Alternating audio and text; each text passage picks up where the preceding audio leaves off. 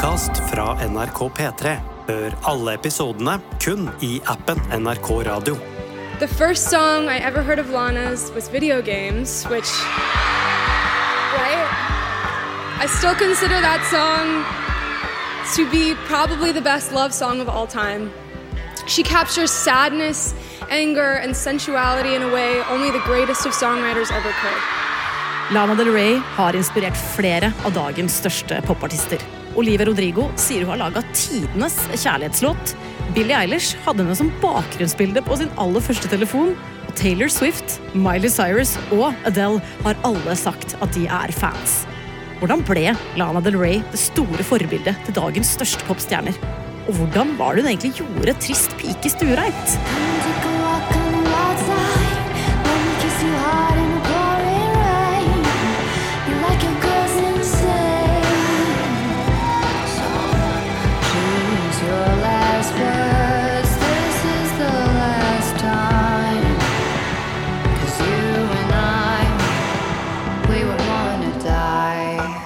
Har jo fått med meg at Lana Del Rey er svær, men jeg har aldri helt skjønt hvorfor.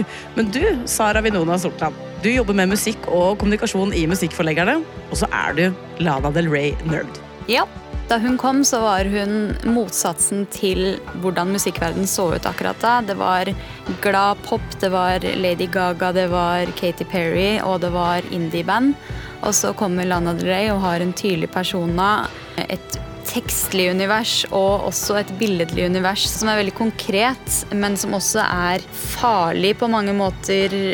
Spiller på det å være en kvinne i trøbbel som sørger over menn som behandler henne dårlig. Og det har provosert mange, men det er også noe jeg liker veldig godt med henne. eh, Fordi det er, det er så henne. Det er så provoserende, men det er også smarte linjer i tekstene hennes. Du er liksom i det indre til en person som ikke vet hvordan hun helt skal komme seg ut av en melankolia hun dyrker veldig, da.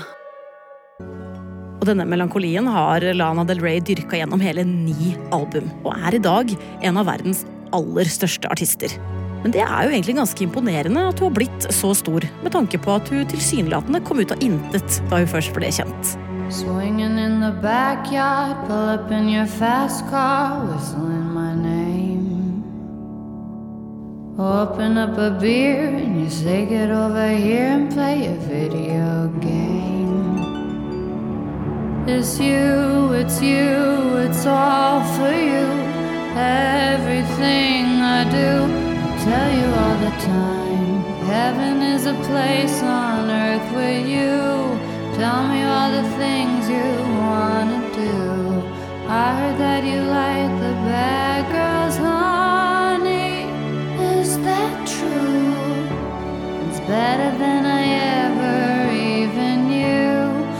Say that the world was built for two, only worth living if somebody is loving you. Baby, now you do. Jeg husker jo veldig godt at den låta her kom ut i 2011, men eh, Sara, kan ikke du fortelle litt om hva det var eh, med videogames som gjorde den så innmari populær?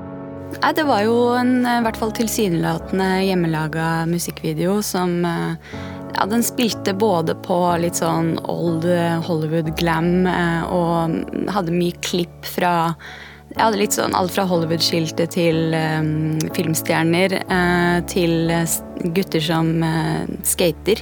Klippet inn med bilder av uh, Lana Del Rey som vel ser ut som en glamorøs gangsterversjon av Nancy Sinatra. som idoliserer 1950-60-tallets showbiz-verden, kanskje. Hun skaper en imaginær verden helt fra start, og blander på en måte drømmende musikk med historiefortelling. Hun ser rett og slett ut som en ferdig pakke. I just so happen to write my own songs and make my own videos so far. So, in terms of the authentic, authentic. Dette gjør jo folk veldig nysgjerrige på hvem Lana Del Rey egentlig er. Estetikken, musikken og imaget hennes det passer perfekt inn på Tumblr, We Heart It og andre musikkblogger som har sin storhetstid på tidlig 2010-tallet. Og her blir hun også mye omtalt. Og heldigvis for hennes tidligste fans så kommer raskt nyheten om at debutalbumet hennes, Born to Die, skal slippes i starten av 2012. Et album så mange gleder seg til at det blir kåra til et av de det er knytta mest forventninger til det året det blir sluppet. Right now on XFM, a lady who in 2012 is going to catapult herself into the kaleidoscopic stratosphere of musical superstardom, fueled by the release of her rambunctiously anticipated album Born to Die, ladies and gentlemen. Lana Del Rey. Born to Die blir et av 2012s aller største album, og det selger faktisk femte mest i verden. Og alle spør seg hvem er egentlig Lana Del Rey? We're backstage at the 2011 Q Awards. I've just been joined by Lana Del Rey, who's won the Next Big Thing award. Congratulations. Thank you. H- how do you feel? I feel better now that it's over. I feel good. Obviously, as the next big thing, a few people won't know too much about you. Can you give, tell us a bit about your background? I mean, there's really not that much to know. I've been singing and writing for a long time in New York. Men det at det ikke er så mye å vite om fortida til Lana, det tror ikke hennes allerede dedikerte fans noe på, egentlig. Det at imaget hennes er ganske mystisk, det gjør at de får ekstra lyst til å grave i bakgrunnshistorien hennes. Og da er jo internett til god hjelp, og der dukker det opp en god del. De graver opp det aller meste og finner ut at Elizabeth Woolrich Grant, som hun egentlig heter, eh, vokste opp eh, upstate New York. Hun sang i kirkekor, og hun var opptatt av musikk i barndommen. Hun var fascinert av store, kjente musikere som Jim Morrison og Kurt Cobain, som jo begge har det fellestrekket at de døde da de var 27. Og hun var tidlig opptatt av død. Hun eh, blir deprimert i tenårene og dropper ut av skolen. Foreldrene hennes er rike, og de sender henne på privatskole. Og når hun kommer ut av privatskolen, så flytter hun inn hos en onkel og lærer seg å spille gitar. Og disse gitarferdighetene de får hun jo god bruk for når hun flytter til New York. Og der får hun seg jobb som servitør for å kunne satse på musikken. Og da skriver hun mange låter med de fire grepene hun har lært seg på gitaren. Og hun synger dem på barer og open mic nights og kaller seg for May Jailer i starten. You know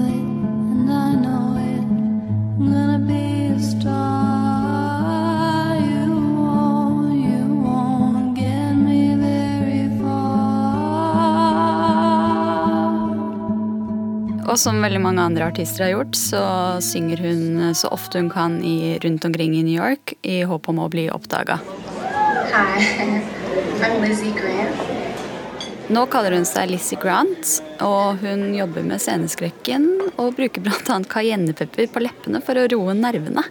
Og det funker heldigvis, for eh, hun oppnår eh, litt av drømmen når et plateselskap spotter henne og gir henne platekontrakt. I'm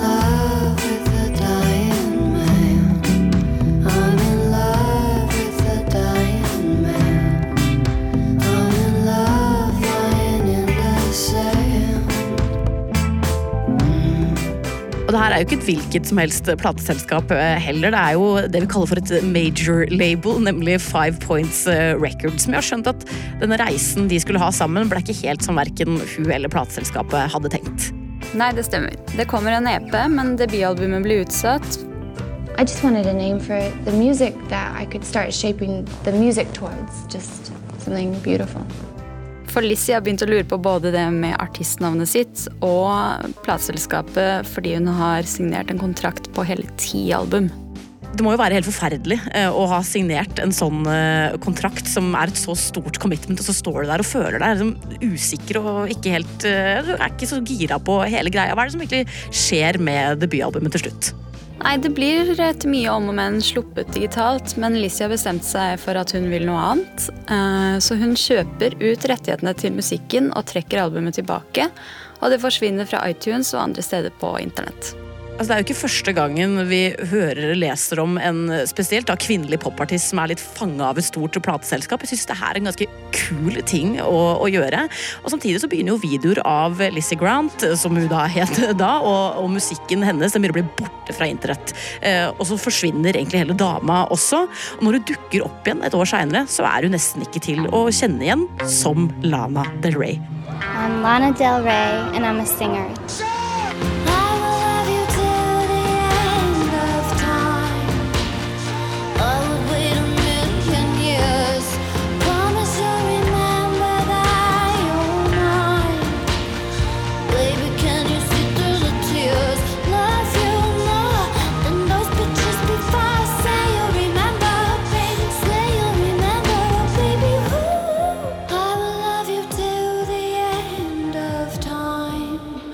Skjedde da bakgrunnen hennes ble kjent, Sara? Det som skjer er at Mange følte seg lurt fordi de som hadde oppdaget Lana Del Rey med videogames, trodde at hun dukket opp fra intet. Mange tror hun er fake fordi hun har gitt ut musikk tidligere som høres annerledes ut, og da så hun jo også veldig annerledes ut. Når de finner eh, bilder av eh, Lana med plateselskapsbosser og hører at pappaen hennes er rik og har backet eh, karrieren hennes, så er hun ikke lenger den artisten som dukket opp fra intet. De bruker jo alle disse, disse og all denne fakta til å fabrikkere en slags historie som passer deres narrativ om at hun kanskje ikke er så autentisk som førsteinntrykket tilsa. Og så får de jo vann på mølla, de som er litt skeptiske, når hun har en opptreden på Saturday Night Live som kanskje ikke går helt på skinner. I'm a little nervous for SNL. Um, I've done live television in Europe, but never in America. No TV here yet. Um, so, you know, you just hope it goes well and you don't up. Um, but I'm just sure it'll be good.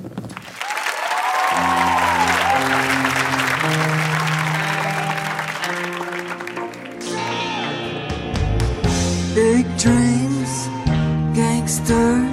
Said you had to leave to start your life over. I was like, no, please stay here.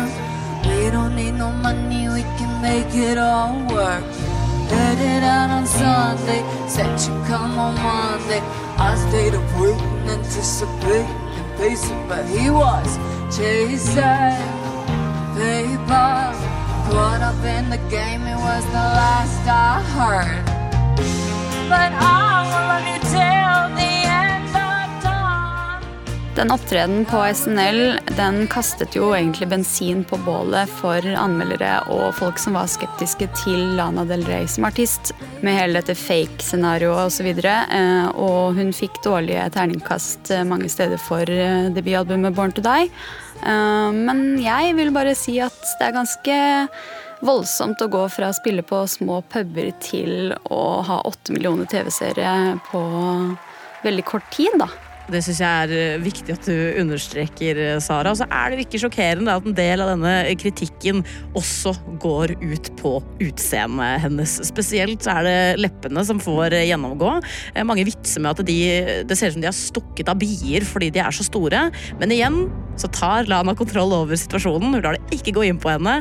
Heller det motsatte når hun i Interview Magazine er på coveret med nettopp en stor bie hvilende på overleppa.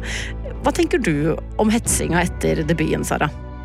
Nei, jeg tenker jo at det er eh, typisk, da. Det er en eh, vakker kvinnelig artist som eh, har på en måte skapt seg Du kan si hva du vil, men hun har jo en veldig sånn persona og en ferdig pakke rundt seg som av en eller annen grunn er veldig provoserende i 2012, når indie-verdenen er på topp og det er mange mannlige mm, artister der ute som man er vant til å se med liksom gjørme på buksene og ikke er så opptatt av utseendet. Hun blir en slags sånn laughing stock litt bare fordi hun eh, har en veldig sånn tydelig karakter. Lana, three weeks ago, uh, you were on the show and you sang two songs off your new album.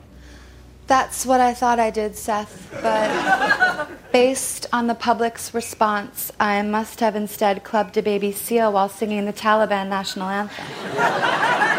That's true, Lana. There was a surprisingly big backlash. Men hypen ble ikke noe mindre av alt dette pratet, og det var veldig tydelig at det var mange musikkelskere der ute som fortsatte å høre på Lana og gledet seg til det som skulle komme videre. Og i 2014 så slapp hun album nummer to, Ultraviolence, eh, som gjorde meg til en enda større fan. Jeg har skjønt at uh, Ultraviolence det er, det er ditt favoritt-Lana-album, eh, Sara. Hvorfor det? Hva er det som er så spesielt med dette albumet? For det første så svarer på en måte Lana Del Rey på kritikken eh, som kom mot henne med Born to Die. Hun spiller på en måte egentlig bare videre på den personen hun allerede har skapt.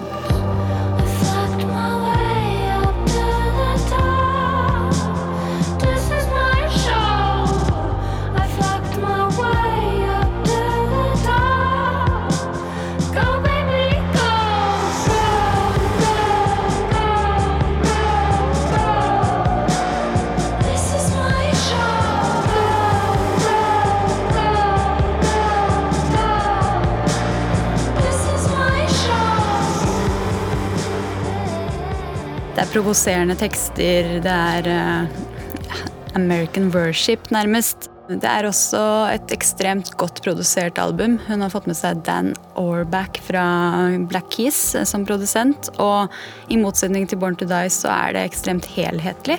Det som også er litt digg med Ultraviolence, det er jo at det bare skyter ned alle fordommer etter den SNL-opptredenen. For her er hele albumet, altså alle vokalopptakene, er gjort i one take uten noe etterdubbing.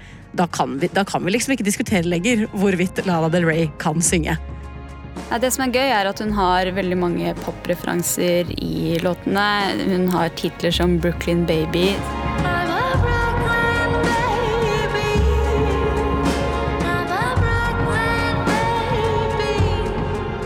Spiller på en måte egentlig bare enda mer på all kritikken mot seg. Og hun unnskylder seg ikke. Hun, hun går ikke ut og sier 'dette er hvem jeg er', bla, bla, bla. Hun tar det heller inn i musikken, og så, og så blir på en måte bare statementet hennes gjennom den, i stedet for at hun holder masse intervjuer hvor hun på en måte forklarer seg. Og det liker jeg. Hun er veldig unapologetic, og det syns jeg kvinnelige artister skal få lov å være.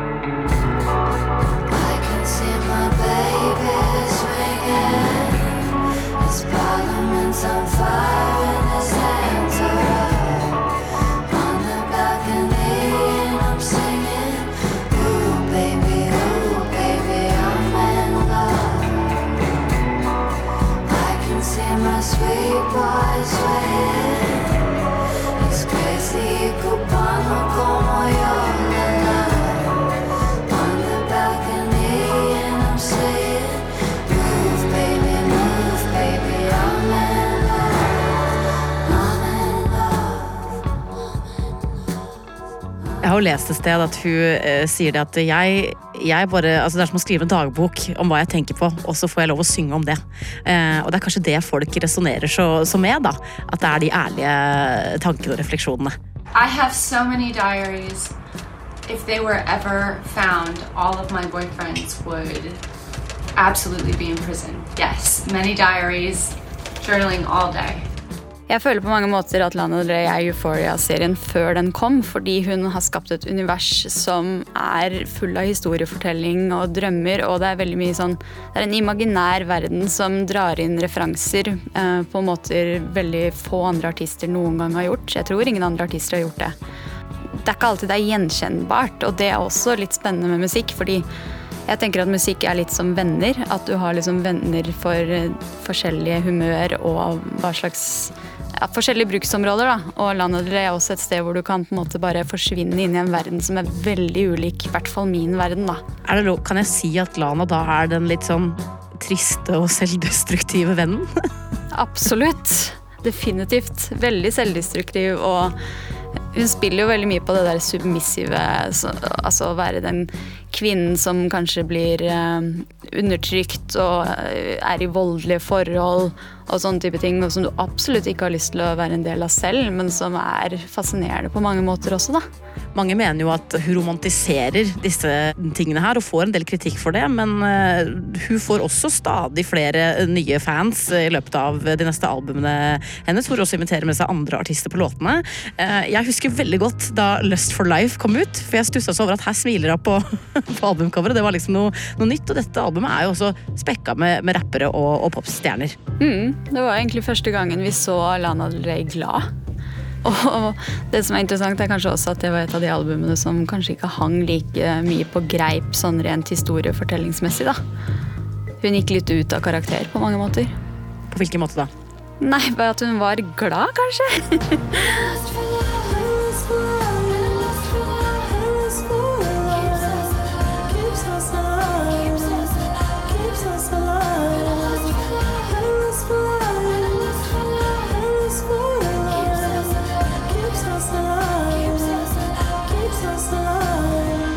Og det som også er gøy med Lust for Life, er jo at hun eh, går tilbake til de tidlige hiphop-referansene sine og tar det et steg videre ved at hun har med seg gjesteartister som The Weeknd og ASAP Rocky.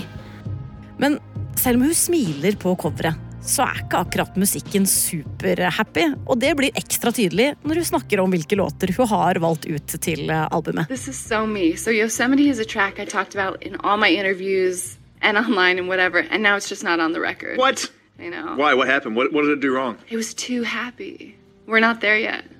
I'm ge- I'm getting to the place that I was singing about in Yosemite, and I'm just not there yet. En annen ting Lana beviser med Lust for Life-skiva, er at det funker å, å, bare gjøre det hun har lyst til eh, med musikken. Det liker anmelderne veldig, veldig godt. Men de liker neste skiva enda bedre. Norman fucking Rockwell, som kommer ut i 2019.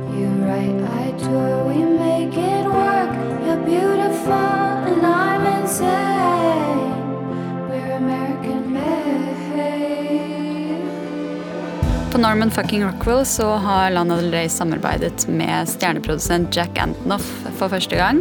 Han er fortsatt på vei opp på det tidspunktet, og det er helt tydelig at de to finner hverandre. De har snakket veldig mye om vennskapet sitt uh, utenfor studio, og de har jo fortsatt å jobbe sammen på de neste albumene hennes også. His ability is just so wild. His musicianship, it's equal to my ability to find a beautiful melody. So we moved pretty quick.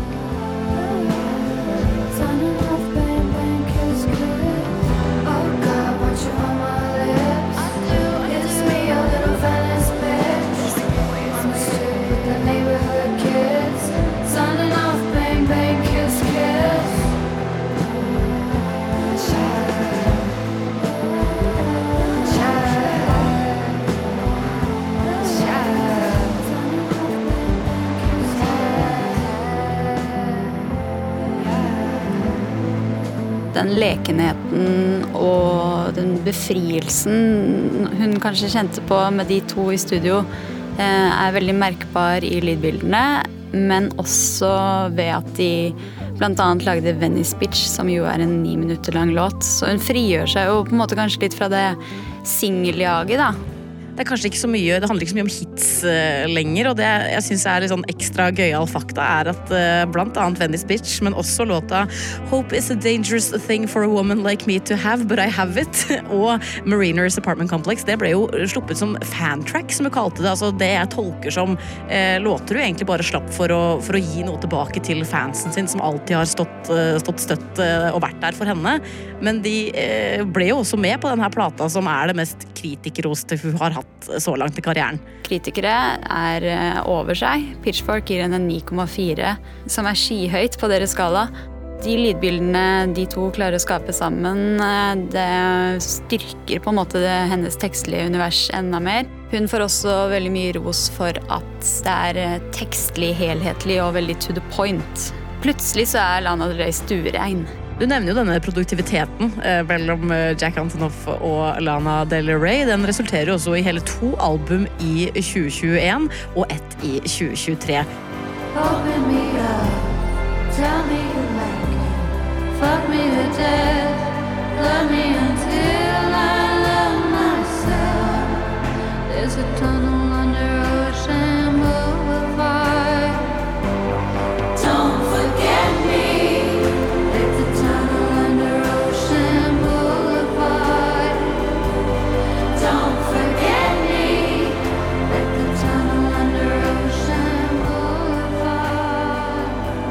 Did You Know That There's a Tunnel Under Ocean Boulevard, som er et av de albumene folk har størst forventninger til i 2023. Og ikke uten grunn. Én ting er jo at Lana Del Rey har kun hengt opp én plakat i hele USA for å promotere dette albumet, og det er jo i hjembyen til eksen hennes. Og så har jo de to første singlene hun har sluppet fra plata, eh, de har blitt godt tatt imot, Sara. Ja, jeg syns eh, personlig at ANW, eller American Whore, som Jack Antonoff har avslørt at er den egentlige tittelen, det mener jeg er eh, den beste låta til Anna Delay siden Videogames. Det er jo ganske Det er jo en sterk mening å ha med tanke på all musikken Lana Del Rey har sluppet i mellomtida. Hva er det med denne låta du liker så godt, Sara? Jeg føler at den er en perfekt symbiose av tidlig Lana eh, med de hiphop-referansene som jeg kanskje har savna, særlig på de to siste albumene som har vært litt flytende. Men den tar også med seg det beste fra Norman eh, fucking Rockwell eh, på første del. I mean, hair, it body. If I told you that I was lame, do you really think that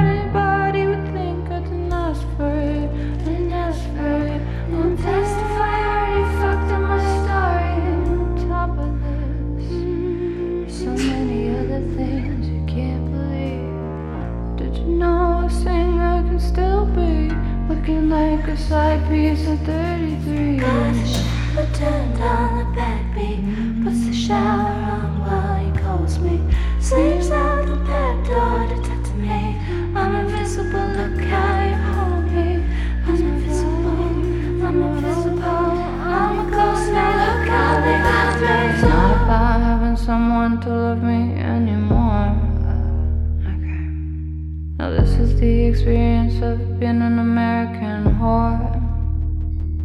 Dette er jo en singel som eh, akkurat som Venice Bitch er ekstremt lang. Den, er, eh, den har et tydelig brekk i midten. Den går jo fra å være en litt sånn flytende ballade til å bli en ganske sånn hard bassig sak som er skikkelig deilig, deilig i øra. Med en helt sinnssyk tekst. Jimmy, Jimmy, Cocoba, Jimmy, Jimmy, ride. Jimmy, Jimmy, Cocoba, Jimmy, give me high. Love me if you love enough, you can be my light.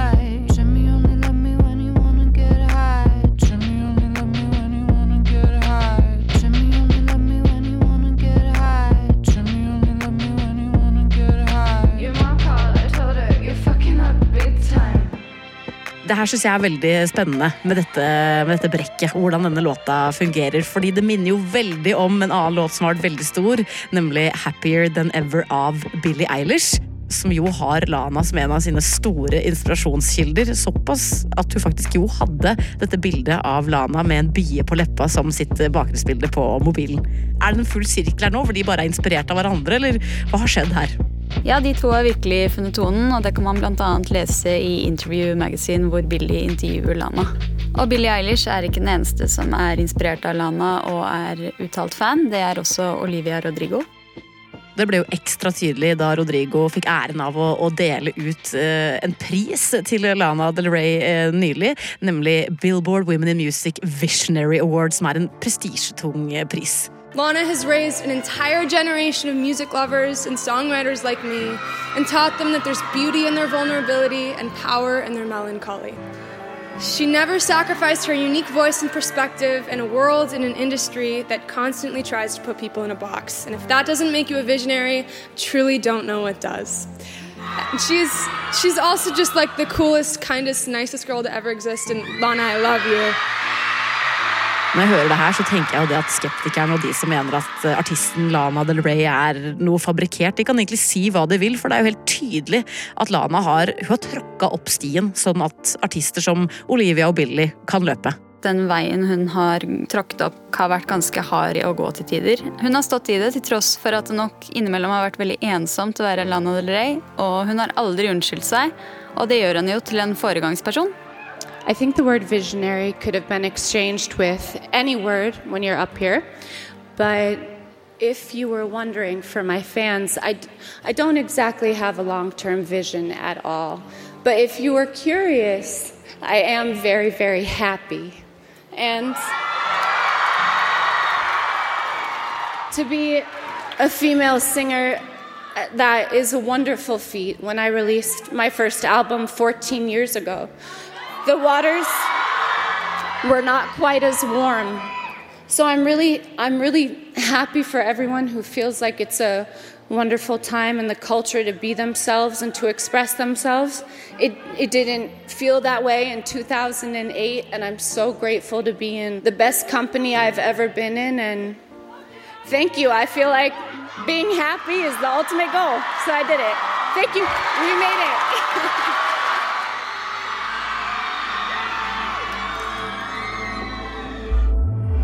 Du har hørt en episode av Musikkrommet. Hvis du likte det du hørte, tips gjerne en venn. Tusen takk til Sara Vinona Sortland.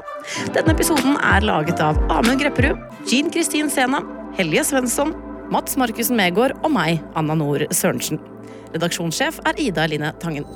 Du har hørt en podkast fra NRK P3. Hør alle episodene kun i appen NRK Radio.